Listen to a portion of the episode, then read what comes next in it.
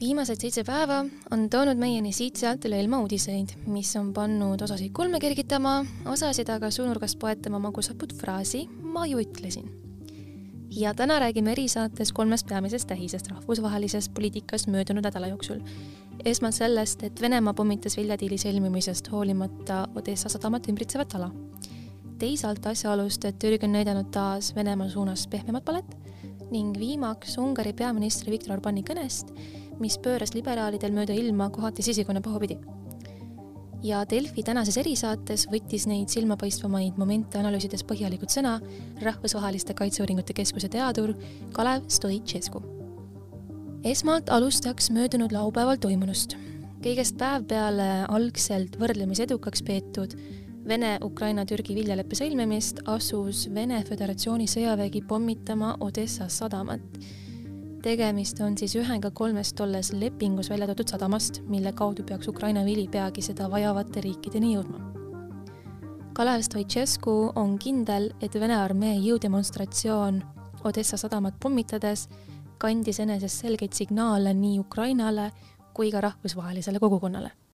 esimene signaal on see, et äh, Moskva ta tahtis näidata, et äh, kogu see kok-, selle kokkuleppe tulevik ja siis vilja väljaveo, sealhulgas vilja väljavedu Ukraina sadamatest sõltub Venemaast. tema on siis siiski selle garant number üks, mitte ÜRO ega Türgi ega NATO ega keegi teine et kui ta tahab, siis ta ründab ja ta võib sadamat rünnata, kahtlemata võib ta ka neid äh, äh, kaubalaevu rünnata, äh, mis hakkavad vilja välja vedama.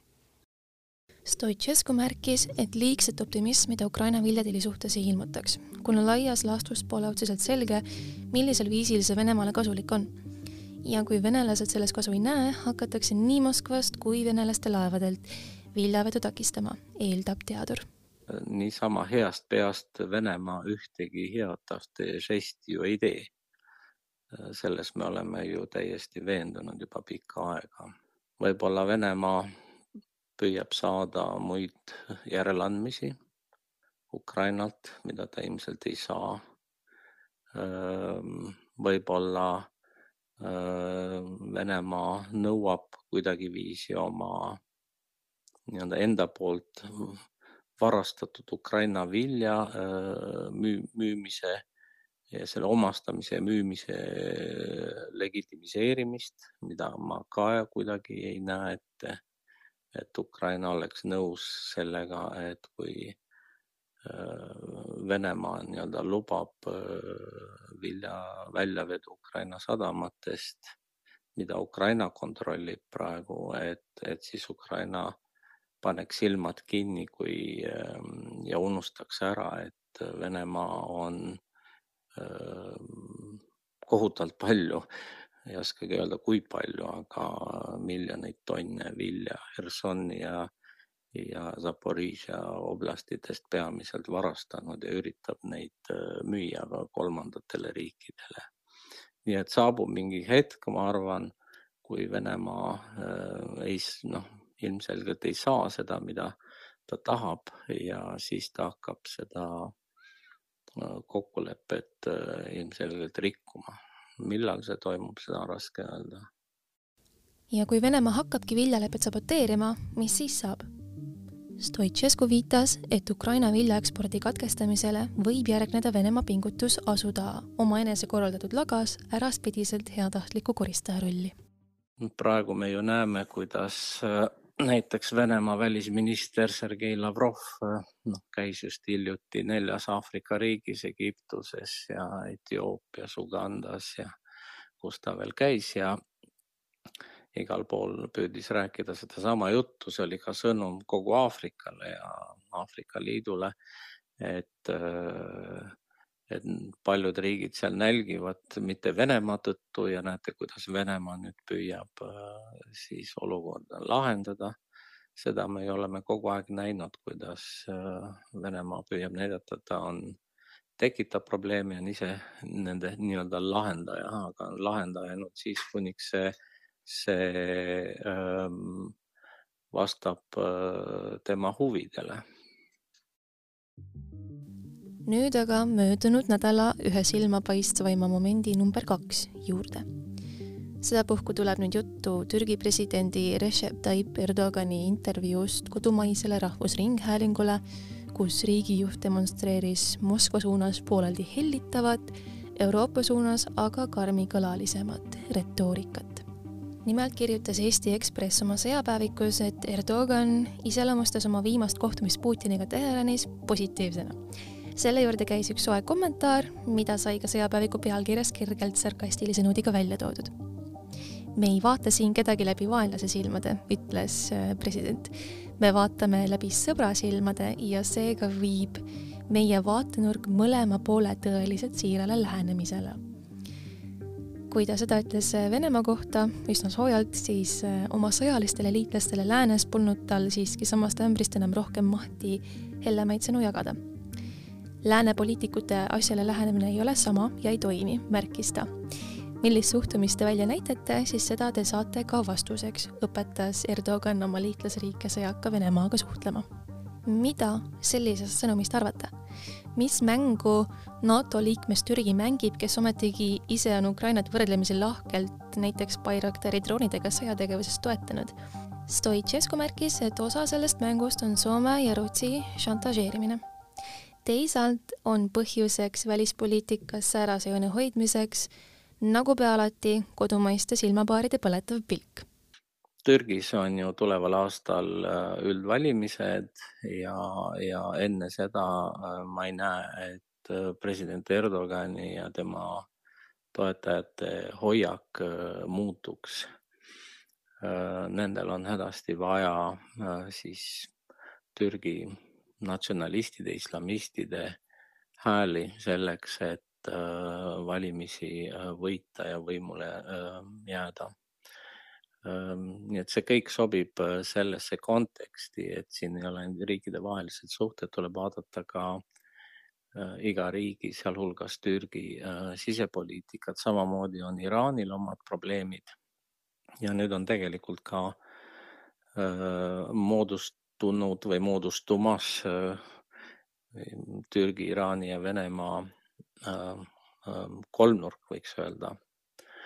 Äh, nii et sellele me peame siis tähelepanu pöörama, see on vastukaaluks siis äh, lääne püüdlustele parendada suhteid näiteks Saudi Araabiaga ja, ja Pärsia lahe teiste riikidega, sest me ju teame, et Iraan ja Saudi Araabia on suured geopoliitilised rivaalid äh, äh, oma piirkonnas, kuid mängus on ka loomulikult äh, nafta eksport ja ka nafta hind. siin me peame tähelepanu pöörama sellele, et Venemaa ja Iraan, muidugi mitte Türgi, kes on nafta ostja, aga, Venemaa ja, ja Iraan on kindlasti eluliselt huvitatud, et ähm, nafta hind püsiks kõrgel ja nad saaksid leida endale ähm, alternatiive, ähm, kliente, kellele äh, naftat äh, müüa võimalikult kõrge hinnaga. siit ka see loogika, miks Venemaa tegelikult ei ole huvitatud sõja lõpetamisest Ukrainas. Ja, ja mida rohkem on ka kriise, sealhulgas toidukriis energiakriis, sõjaline kriis, seda parem äh, Venemaale. noh, tuleb meelde nii-öelda nõukogudeaegne mõtlemisviis, et mida halvem, seda parem.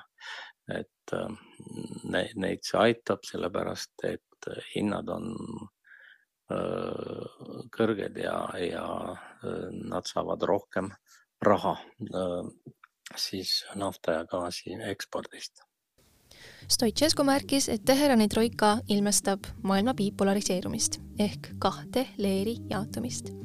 ühel poolel on demokraatlikud riigid, teisel pool ebademokraatlikud ning vahepealsed laveerijad nagu Türgi ja kõhklejad nagu näiteks Aafrika riigid otsustavad vastavalt oludele, keda toetada, keda mitte kolmandaks tuleb juttu sel nädalal meediaorbiidile pikaks ajaks tiirama jäänud Ungari presidendist Viktor Orbanist, kes ajas siis oma kauaaegse sõbra ning endise nõuniku sõnutsi rahva ees, tsiteerin, puhast natsiteksti. ja just nimelt endise nõuniku sõnutsi, kuna too ametnik otsustas oma ameti peale Orbani sõnavõttu avalikult ja suure käraga maha panna. Kui erisaate kuulaja nüüd küsib oma peas, mida Orban täpsemalt sellise reaktsiooni tingimuseks jahvatas, siis poolteist tundi valdanud kõnest käis läbi teemasid mitmeid setmeid, aga neist enim leidsid liberaalses meedias peamiselt kõlapinda tema drastiline vastandumine Euroopa Liidule, avalik vastumeelsus rasside segamise suhtes ning tagatipuks toetava seisukoha võtmine Venemaa suunas. Ungari välisministeerium jättis kõne ingliskeelses kokkuvõttes need kõikse intrigeerivamad punktid välja, teadis Stoicescu öelda ta rõhutas lisaks, et rassismipunktid Orbani kõnes kandsid eneses retooriliselt olulist tähendust, mistõttu nende kaasamisest ei tasuks üle vaadata. no ma ikkagi ei alatähtsustaks seda äh, rassismipunkti tema äh, esinemises, et äh, peaminister Viktor Orban esines hiljuti tõepoolest provokatiivse kõnega Rumeenias Balvanjosi suvevabaülikoolis Bõile Tusnadi linnas. ta oli seal ka varem esitanud selliseid lennukaid poliitilisi ja ideoloogilisi mõtteid. vaatasin, et Ungari välisministeeriumi koduleheküljel avaldati Orbani kõne ingliskeelne kokkuvõte kuid seal paraku puudusid kõige enam kõneainet pakkunud osad ja, ja esiteks see tema rassistlik äh, diskurss, mis ei kannata äh, Euroopa Liidu kontekstis mingisugust kriitikat ja isegi laiemalt kui äh, Euroopas.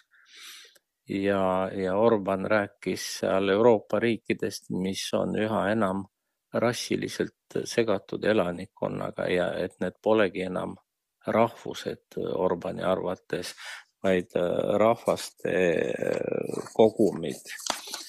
ja, ja noh, teadagi Transilvaanias, kus ta esines Rumeenias, eriti aga põhiliselt Šekeli äh, ungarlastega asustatud maakondades, kus Orban oma kõne pidas, on rahvusküsimus väga õrn teema. Ja Orban käis seal järjekordselt õlitulle kallamas. ja me peame, siin tuleb jälle mängu sisepoliitika, tema valijate baas Ungaris koosneb ju peamiselt inimestest, kes unistavad Suur-Ungarist, mis eksisteeris kuni Trianoni lepinguni tuhande üheksasaja kahekümnendal aastal.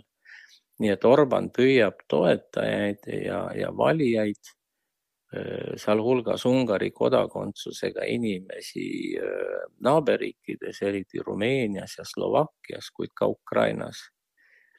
nii et äh, Orbani poolt kultiveeritud rassism ja see maru rahvuslus käib käsikäes selle Suur-Ungari ideega. ja siit ongi, ma arvan, vaja astuda ainult väike sammukene selleks, et aru saada, miks Orbani ja Putini mõttemaailmad klapivad, see suurriigi idee, kaasmaalased naaberriikides, võõra vihkamine ja antisemitism, seksuaalvähemuste põlastamine, üleüldse demokraatiale omaste printsiipide eiramine ja vihkamine, see on neil ühine. noh, aga kui me võtame näiteks ungarlasi Lääne-Ukrainas kelle kohta Orbani režiim mm, väidab, et Ukraina rikub jõhkralt nende õigusi, seetõttu äh, Orbani, Orban blokeeris aastaid NATO koostöö Ukrainaga, koostööd. samuti äh, keeldub nüüd Ukrainale relvi andma, isegi oma territooriumit selleks võimaldama. ja mina olen vestelnud äh, ekspertidega, kes on külastanud ungarlastega asustatud äh, piirkonda Lääne-Ukrainas ja nendega kohtunud ja kohalikud ungarlased ei kurda, et Kiiev neid, ma ei tea, pitsitaks või nende õigusi rikuks, kuid nad saavad Budapesti kaudu Euroopa Liidu toetusfonde, raha. see on neile eh, noh, ilmselt meelepärane, mistõttu nad ei hakka avalikult kinnitama, et Orbanil eh, pole õigust. vot ka selline aspekt on väga oluline, nii et, nii et Orbani kõne see teine provokatiivne osa käsitleski Venemaa agressiooni Ukraina vastu ja, ja Orban arvas, et Trumpi ja Merkeli valitsemise jätkudes äh, USA-s ja Saksamaal vastand poleks seda sõda olnud. et süüdi on USA ehk siis president Biden ja, ja demokraadid. aga meenutame äh, ühtlasi, kui raskelt võeti Euroopa Liidus vastu kuues sanktsioonide pakett Ungari pärast, siis Ungarile tehtud järeleandmisi kuid ka Orbani mm, avaldusi, äh, et lääne poolt Venemaale kehtestatud sanktsioonid on mõttetud ja isegi äh, põhjendamatud.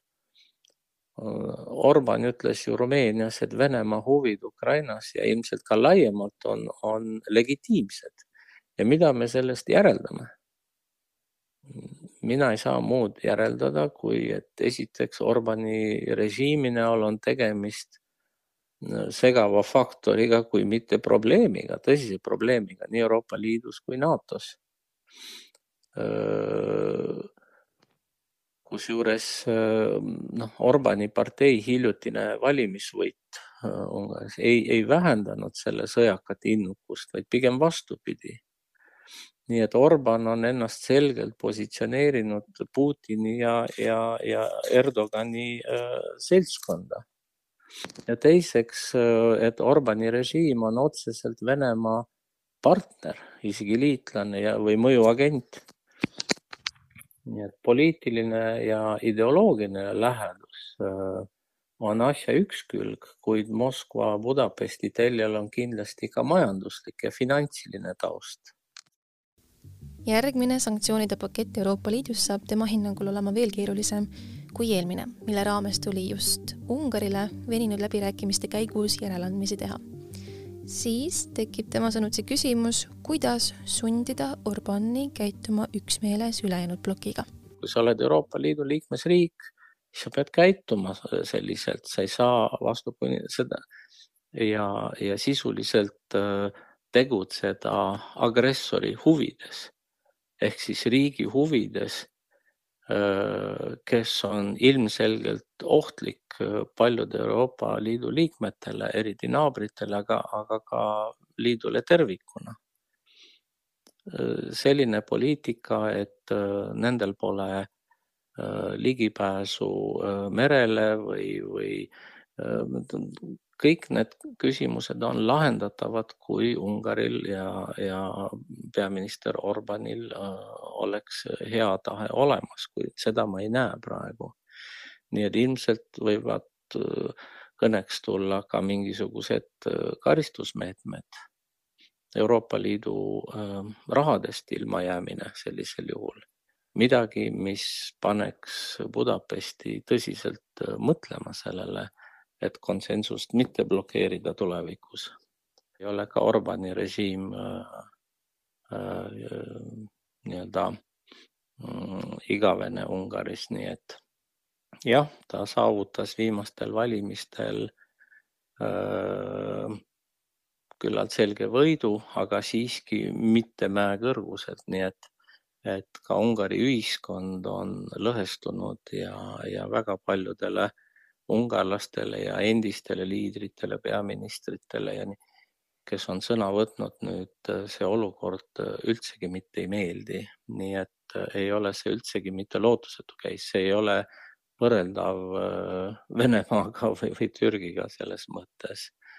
nii et ähm, see kõik võib tulevikus muutuda, aga seal ta nüüd on ja alles hiljuti valitud, nii et Äh, see, mismoodi Orban nüüd käitub, näitab, et järelikult mingisugune närvilisus neil on, et, et nad ähm, üritavad ähm, ära hoida siis äh, majandusliku olukorra halvenemise. ja nüüd viimase jutupunkti juurde. kui võtta kokku möödunud nädala tähtsündmused rahvusvahelises poliitikas, siis kuhu on siinne geopoliitiline regioon liikumas? Seda on väga raske vastata sellele küsimusele, jällegi ütlen, et majanduslikud suhted järjest katkevad Venemaaga ja ka poliitiline suhtlemine ja ähm, mis puudutab läänemaailma, sealhulgas Euroopa Liitu ja, ja Venemaad. mis puudutab äh, Türgi on siin probleemne, nagu me näeme, ta laveerib kahe vahel äh,. mis puudutab Lähis-Ida, siis seal on mitmed olulised mängijad, seal on Iisrael, kes loomulikult on, oli, on ja jääb USA oluliseks liitlaseks ja, ja teiselt poolt on Araabia riigid ja ka Iraan. ja nende puhul on ilmselt ka toimumas polariseerumine, kes on siis Venemaa poolel ja kes on pigem USA ja Euroopa poolel. Nii et eks me näeme ja tegelikult ju kõik vaatavad seda, mis toimub Ukrainas ja kas Venemaa jääb peale või mitte. ja sellest äh, sõltub ka ju ähm, Venemaa mõjuvõimu küsimus eri piirkondades maailmas äh, tulevikus. no kui Venemaa lõpuks saavutab oma tahtmise midagi sellist, mida ta saab võiduna või ajutise võiduna tembeldada ja kust edasi minna tulevikus, siis on see meie jaoks väga halb ja see kindlasti innustab äh, riike ka Lähis-Idas ja, ja mõningaid ja ka Aafrikas ja mujal Venemaaga tihedamalt suhtlema ja, ja koostööd tegema ja Venemaa poolele isegi asuma ja aga kui Venemaa ei saavuta oma tahtmise, ei saavuta võitu, mida ma pean tõenäolisemaks siis äh, kõik tahavad olla võitjate poolel alati. nii et ähm, see on ju selge, nii et see, see saabki olema nii. siinkohal on tänase erisaate ots kätte jõudnud. Stoicescu jättis õhku rippuma ootusärava, ent mõneti positiivselt äraootava eelduse, mille najal sõjasündmuste edasiste tahkude lahtirullumist kannatamatult ootama jääda kas Ungari on tõesti valinud kaotajaga joondumise ja mida see nii NATO-le kui Euroopa Liidule tähendab? sellest võite ehk tulevastes erisaadetes üht-teist kuulda. seniks aga ütlen teile head aega, mina olen Grete Põlluste ja tänan teid erisaadet lõpuni kuulamast